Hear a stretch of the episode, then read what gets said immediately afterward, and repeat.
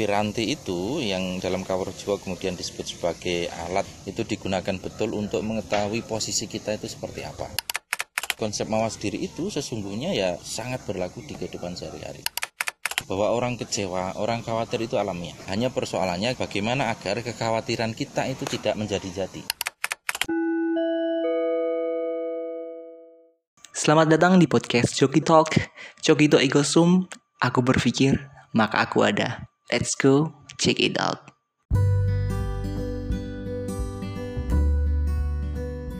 Halo, assalamualaikum warahmatullahi wabarakatuh. Senang sekali akhirnya Coki Talks menaikkan episode pertamanya di hari ke 36 di tahun 2021. Uh, bagaimana hari ke 36 kalian di tahun ini? Apakah berjalan menyenangkan, biasa saja atau atau justru kalian telah menemui banyak kejengkelan di awal tahun ini? Atau lebih parah lagi, jangan-jangan sejak awal tahun kalian emang udah nggak menaruh harapan apa pun sama apa yang akan terjadi di tahun ini?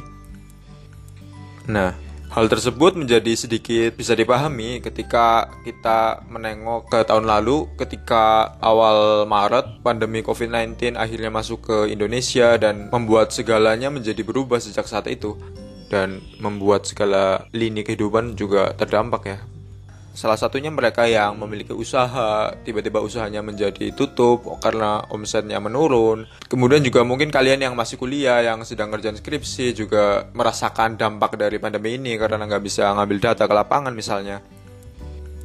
Nah, jika menengok kembali ke masa itu menjadi sebuah kewajaran ketika seseorang akhirnya memilih untuk tidak menaruh harapan yang begitu tinggi pada apa yang akan terjadi di tahun 2021 ini atau membuat kita menjadi seperti menurunkan ekspektasi kita seperti ya Tuhan aku nggak mau minta banyak-banyak lah. Yang penting sehat aja keluargaku sehat ayah ibuku sehat istriku sehat anak-anakku sehat. Karena bicara tentang harapan sendiri uh, dia memang lahir sepaket sama konsekuensinya. Ketika harapan kita terpenuhi biasanya kita akan senang akan bahagia akan gembira. Sebaliknya ketika sebuah harapan tidak terpenuhi biasanya kita akan sedih akan kecewa atau marah tapi balik lagi sebuah kesedihan atau rasa senang itu kan hal yang manusiawi ya. Tapi sebenarnya bagaimana sih sebaiknya kita menyikapi setiap rasa ketika sedih misalnya? Apa iya kita mesti terus tunduk pada rasa kecewa tersebut sehingga uh, membuat kita berhenti untuk mau membangun harapan-harapan yang baik pada tahun yang baru ini?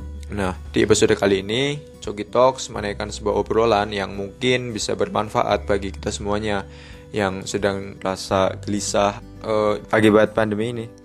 Nah, Gilang Ulfa Sultoni beberapa saat yang lalu bertemu dengan Mas Rian Sugiharto. Beliau adalah penulis buku Psikologi Raos, Saintifikasi Ajaran Kahulu Jiwa Ki Ageng Suryo Mentaram. Buku tersebut terbit pada tahun 2015 dan diterbitkan oleh Pustaka Ifada. Mas Rian menjelaskan salah satu nilai yang hadir di dalam uh, ajaran kajian kauruh jiwa Ki Ageng Surya Mantaram tersebut yaitu tentang konsep mawas diri. Nah, apa sih itu mawas diri dan kenapa hal tersebut menjadi penting untuk kita pelajari bersama? Lebih baik kita masuk saja ke obrolan mereka dan inilah dia Cogi Talks episode pertama Mawas Diri Local Wisdom Ki Ageng Surya Mantaram bersama Klian Sugiarto bagian pertama.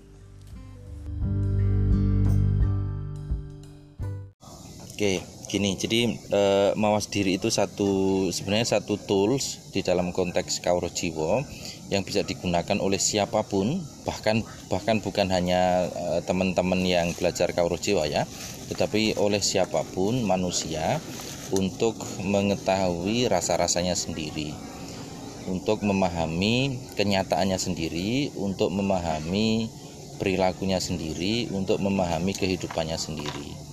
Nah, mawas diri itu alat untuk e, mengetahui itu semua sehingga kedudukan kita e, diri kita bagaimana itu kemudian melalui alat itu.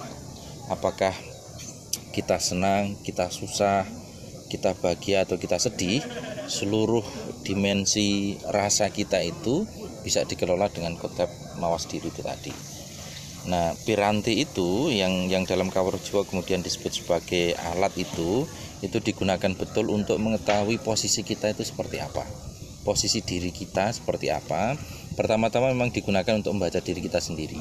Tapi kalau itu kemudian bisa smooth digunakan maka harusnya itu bisa digunakan juga untuk membaca keadaan orang lain membaca rasa orang lain.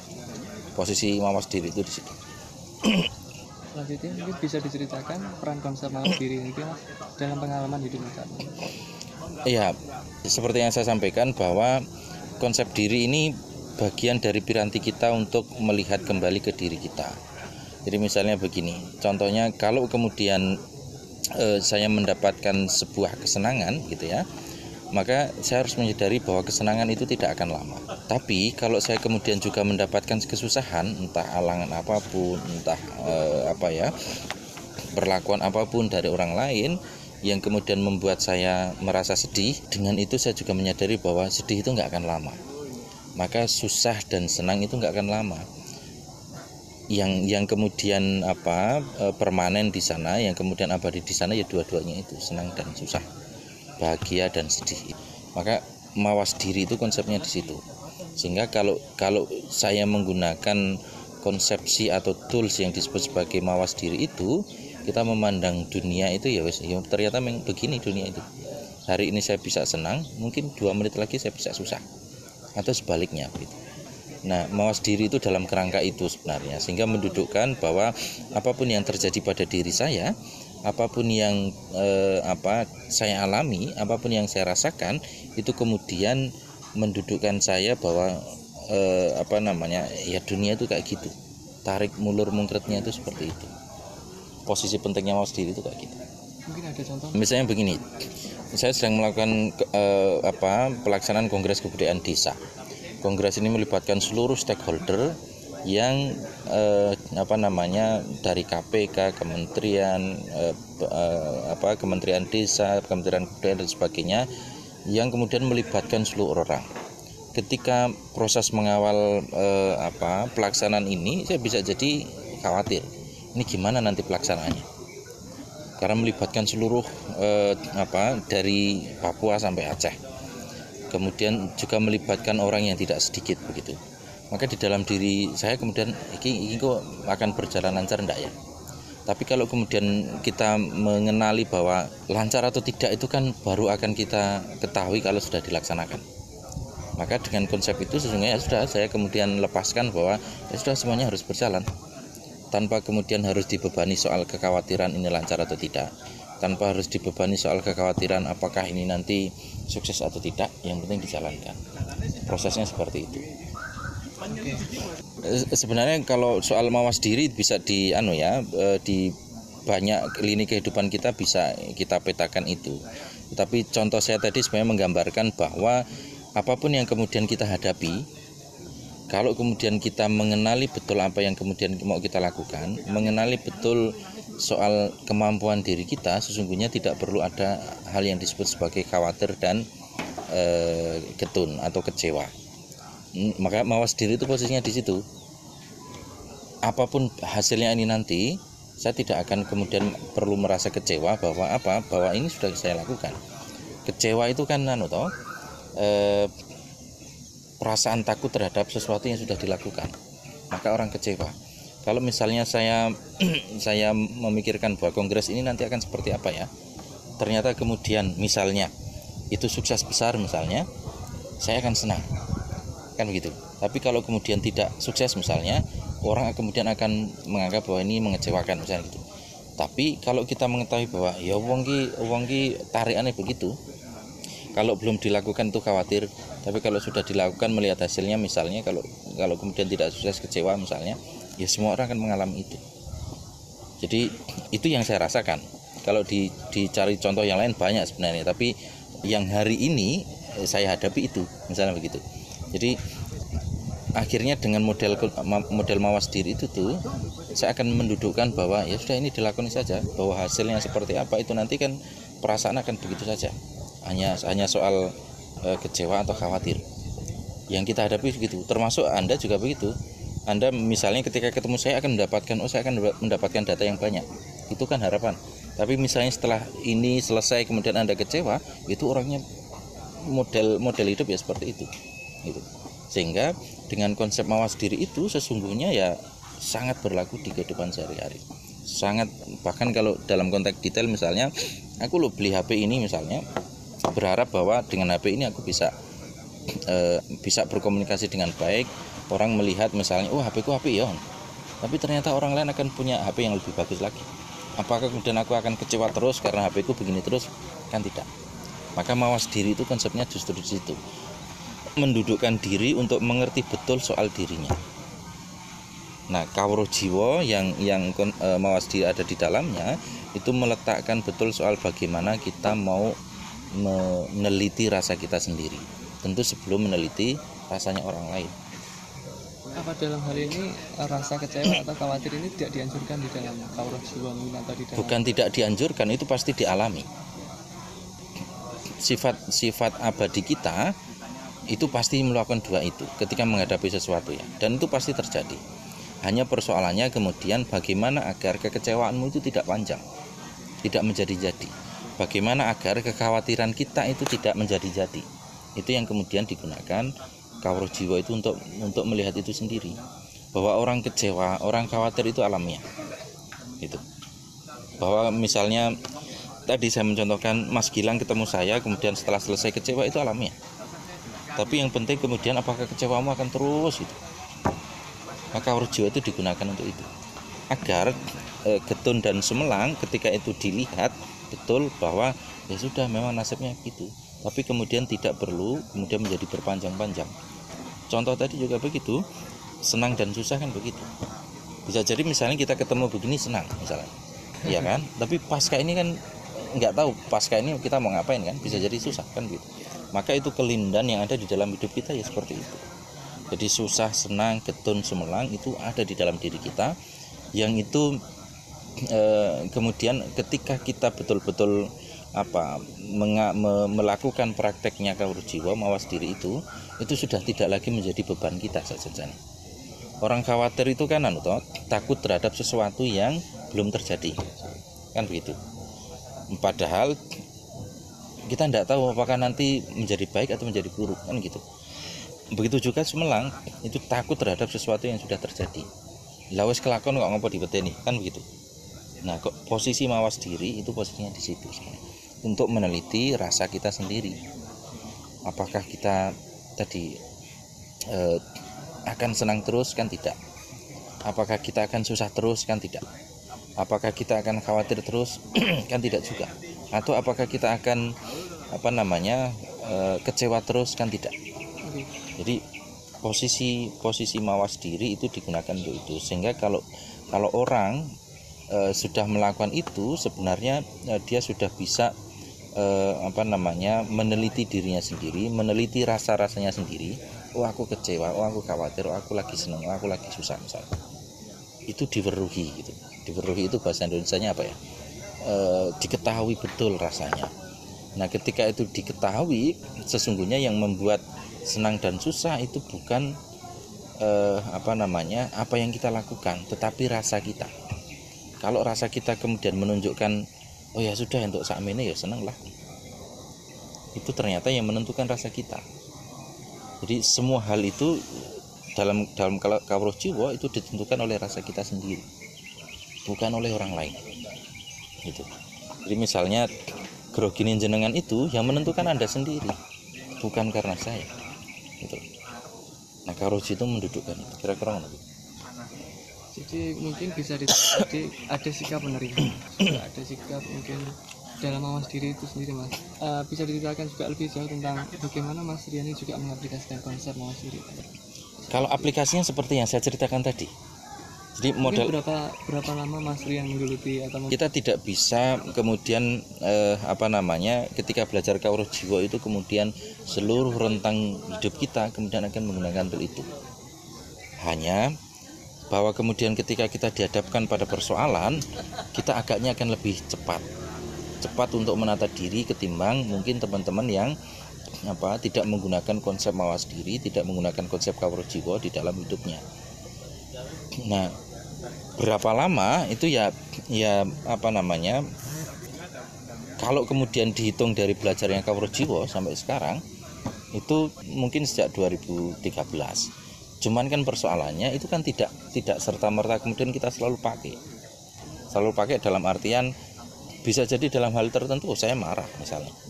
Bisa jadi dalam hal tertentu saya sedih misalnya maka itu bukan bukan sesuatu yang kemudian ketika kita pernah melakukan itu terus terus menggunakan itu enggak. Karena itu apa embedded di dalam diri kita embedded di dalam kesadaran kita. Misalnya begini saya beli HP ini sejak kapan sih? Katakanlah 2010 misalnya. Sampai sekarang 2020 tapi yang kita yang yang yang kemudian kita hitung itu kan 2010 sampai 2020 nya kan ada waktu-waktu saya tidak menggunakan HP kan? Maka kawruh jiwa itu juga gitu. Ada ada ada saat-saat bahwa saya bisa jadi terjebak pada kromodomso misalnya. Oh marah oh kecewa oh masih mengagungkan oh aku ki rian ki loh begini begini begini loh itu kan terjebak di kromodomso tapi kalau kemudian kita masuk ke konsep mawas dirinya untuk sampai pada level keempat itulah yang kemudian digunakan. Tetapi itu tadi bahwa tidak tidak semua orang ketika sampai di level tertentu akan di level itu terus enggak. Jadi kondisi saya misalnya oh, saya bahagia misalnya. Ketika saya bahagia dengan konsep kawruh jiwa itu tidak akan selalu tidak akan tetap di situ. Suatu hari saya bisa turun suatu hari saya bisa naik. Jadi ini yang berbeda dengan konsepnya Buddha Gautama ya. So soal apa namanya kalau sudah sudah sampai di kesadaran penuh akan posisinya di situ terus tidak. Kenapa? Karena kita dihadapkan pada keinginan. Kita dihadapkan pada rasa diri kita sendiri. Nah, keinginan itu yang membuat orang bisa naik turun, bisa ke kanan ke kiri. Nah. Oke, apalagi? uh, mungkin ada pengalaman mas yang paling apa namanya buat Mas Rian down atau paling yang sangat buat Mas Mas Rian Pak paling bahagia saya ceritakan begini ada eh, apa namanya kalau soal down dan tidak down begitu ya itu orang-orang pasti akan akan anu ya akan relatif ya misalnya oh saya misalnya paling bahagia dapat duit seribu misalnya belum tentu kebahagiaan saya itu akan sama dengan orang lain yang dapat angka seribu kan begitu. Nah akhirnya saya tidak bisa men, tidak bisa mendapati apa yang paling bahagia di hidup saya, apa yang paling menyusahkan di hidup saya. Kenapa? Karena itu tadi. Ya wis kabeh tak tak tak letakkan di di posisi yang sama. Bahwa kemudian ada tarikan paling kanan, tarikan paling e, kiri misalnya itu sesuatu yang wajar. Dan bagi saya itu sudah itu pengalaman-pengalaman yang lalu misalnya itu. Atau sudah itu sesuatu di depan yang kemudian mau kita e, capai misalnya. Sehingga gambaran soal apa sih yang paling membahagiakan aku dewi arti atau apa yang paling menyedihkan aku dewi gak ngerti misalnya. di dalam ketidakmengertian itu hmm. apa yang mas apa mas Rian pikirkan atau rasakan jadi begini misalnya baru beberapa kemarin ibu mertua meninggal misalnya dengan konteks konteks itu sewajarnya misalnya orang akan sedih kan tetapi ketika kita dudukkan betul bahwa ya sudah itu sudah bagian dari kehendak alam, bagian dari kodrat alam begitu, orang kehilangan itu ya sewajarnya sedih. Tetapi itu kemudian tidak membuat saya atau anak-anaknya yang lain atau misalnya istri saya menjadi sangat down. Tidak. Kenapa? Karena ya sudah kita menyadari soal itu. Bahwa hidup itu ya tarikannya ngono Ada yang hidup, ada yang mati, ada yang senang ada yang susah nah dalam konteks itu akhirnya apa kebahagiaan itu ya tadi janjane mengetahui rasanya itu mau sehingga tampaknya apa yang kemudian di, dianggap paling membahagiakan atau dianggap paling menyedihkan itu terminologi yang berbeda saja podo karo seneng susah sing cilik karo susah sing gede itu podo. Nggak ditimbang podo saja atau seneng sing seneng banget seneng dan seneng banget itu ya podo wae. Karena itu akan cepat berganti. Misalnya aku seneng banget ketemu Mas Gilang saya nanti bisa jadi berbeda. Sehingga dalam terminologi terminologi itu saat jenjane ya apa sih sing sing nyenengke banget? Apa sih sing nyusahke banget? Gak ono saat jenjane tapi ya seneng ya susah itu posisinya ngono ya Mas? Seneng dan susah itu emang sudah ada gitu ya Mas ya. Ada maksudnya terus terus terjadi. Terus terjadi. Dan itu tidak bisa kita kita pisahkan dari manusia. Misalnya apa namanya orang miskin apa mereka tidak senang sih apa apakah mereka susah terus sih? Tidak juga. Orang yang paling kaya apa mereka senang terus sih? Tidak juga. Mereka punya susahnya sendiri. Yang secara apa namanya secara terminologi sama. Hanya penyebabnya yang berbeda. Misalnya saya dikasih duit 10.000 seneng. Tapi Abu Rizal Bakri dikasih 10.000 ya ndak apa nggak no nilai ini kan. Bobot bobotnya kan sama tetapi penyebabnya yang berbeda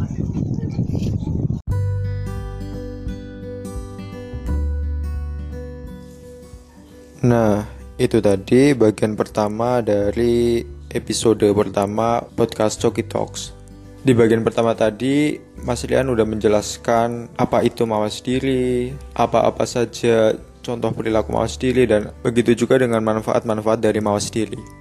Selanjutnya, pada bagian kedua, Mas Rian akan menjelaskan lebih lanjut dan lebih dalam lagi tentang konsep tersebut. Terima kasih telah mendengarkan dan sampai jumpa di bagian kedua episode pertama Cogi Talks Mawas Diri Lokal Wisdom Ki Ageng Surya Mentaram bersama Rian Sugiharto.